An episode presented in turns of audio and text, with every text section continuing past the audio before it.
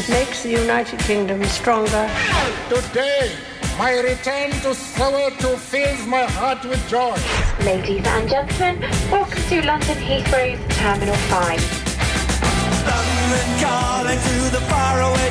John Carlin, bon dia i bona hora.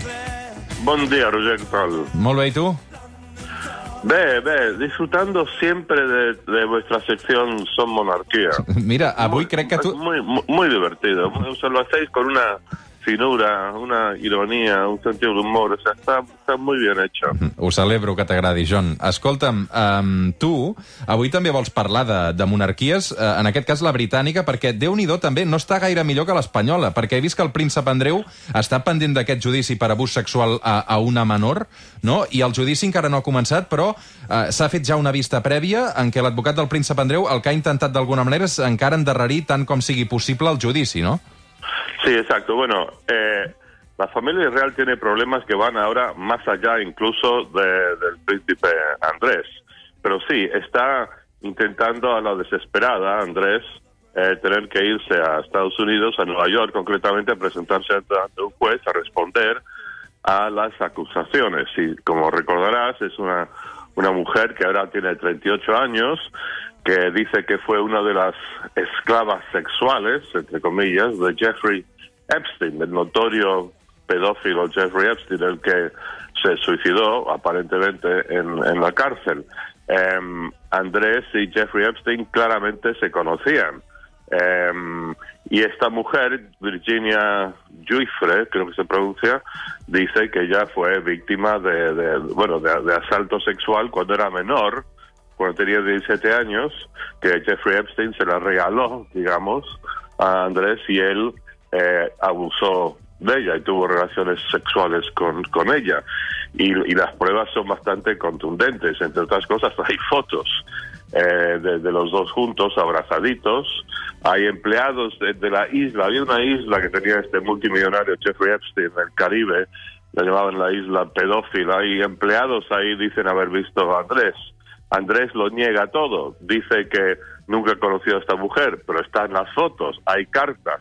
Y bueno, está intentando a la desesperada recurrir a tecnicismos legales para no presentarse en Nueva York y parece que según lo último que estoy leyendo, eh, se lo están poniendo muy complicado. Al mismo tiempo, eh, es bien conocido que Andrés es el favorito de los hijos de la reina, con lo cual la reina con esta mística que tiene, tampoco queda muy bien parada. O sea, ese és el tema con, con Andrés, que és lo más sórdido de todo. Crec que a més l'han enganxat caçant aquesta setmana. Vull dir que no se'l veu molt preocupat amb, amb uns amics. Sí, sí, exacto.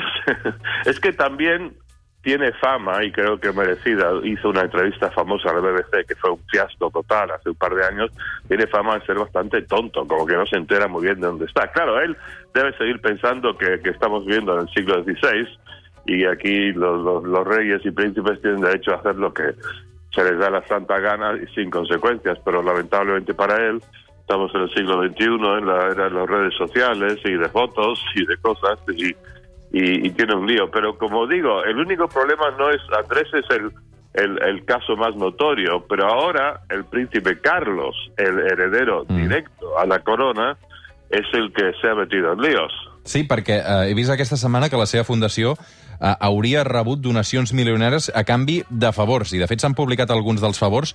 Eh, hauria estat concedir la nacionalitat britànica i un títol nobiliari a un multimilionari saudita i també un altre amb Rússia, on hi hauria hagut una donació milionària d'un oligarca rus. No? Aquí hi ha una trama al darrere en què crec que més d'un hi ha dimitit. Exacto. Es, es, estas historias han salido en las últimas dos semanas en The Sunday Times, que por, por cierto es el diario por excelencia del establishment británico, y como verás, eh, la prensa ahí no, no se corta con, con, nada, hay una historia y la publican. Y sí, eh, lo, del, lo del saudí es especialmente, no sé, reprobable, diría yo, según lo que cuentan, que, que el, este señor saudí dio un millón y medio de libras, o sea, casi dos millones de euros a una fundación del, del príncipe y como eh, regalo, primero hubo una audiencia que le concedió eh, Carlos al saudí y después le dio una de estas med- medallas, medallitas que, tanto le gustan a los ingleses. Tienen, tienen muchos diferentes niveles, ¿no? Tienes Lord, es como lo más alto, después está Sir, el caballero, y después tercero en, en orden de importancia, hay algo que se llama Commander of the British Empire, comandante del Imperio Británico, y le dieron esta medalla de comandante del Imperio Británico a este multimillonario saudí, eh, claramente como, bueno, como, se- como para, para, para compensar este, como regalo, dar las gracias por esta donación. Y después hay un ruso que algo parecido, que dio no tanto, 200 mil libras, para otra fundación del, del de Carlos. Y parece que la persona que hubo un, intermediario, que es un, un tipo que ha sido el mayordomo del Carlos durante años y que ahora este ha tenido que renunciar o por lo menos lo han apartado. Y este, este mayordomo es conocido, entre otras cosas, por entre sus, sus eh, funciones, una de ellas ha sido, no sé si lo sigue siendo, poner la pasta en el cepillo de dientes del príncipe antes de que se lave los dientes. Este es el nivel de...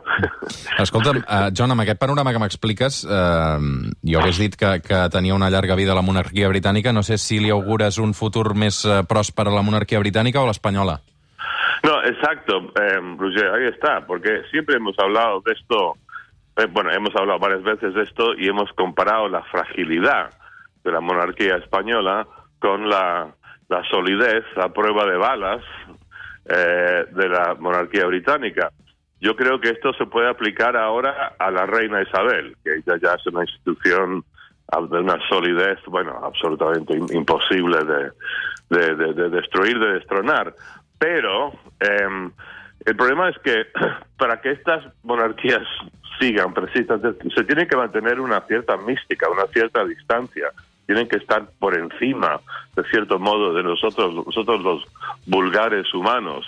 Y cuando ves al príncipe Andrés, el hi- hijo de la reina, con estos sórdidos líos sexuales, y ves a, Carlos ensuciándose las manos con estas ofertas de dinero de, de- gente de dudosa reputación, un magnate ruso y un, y un multimillonario saudí. Entonces de repente ahí se- la, la- la cosa empieza a, a pintar mal y hay, hay más y más gente, em, columnistas, opinadores de Inglaterra sobre ese tema, que son gente muy favorable a la monarquía, que piensa que esto ya no va a durar mucho más después de que se muere la reina. Y después tienes, claro, a Harry y Meghan haciendo sus numeritos en Los Ángeles que caen fatal al público británico. Entonces de- de- está, asediada por todos lados la... Veurem si, veurem si els acabem donant també una secció pròpia um, juntament amb, amb la monarquia espanyola també aquí al suplement. Sí, Avui arribarem a les 9 del matí amb una cançó d'Ed Sheeran que precisament és el número 1 de les més escoltades al, al Regne Unit. Uh, hem perdut el, el John Carlin en qualsevol cas que, que tingui un bon dia. 30 segons i arribem a les 9 en punt del matí. to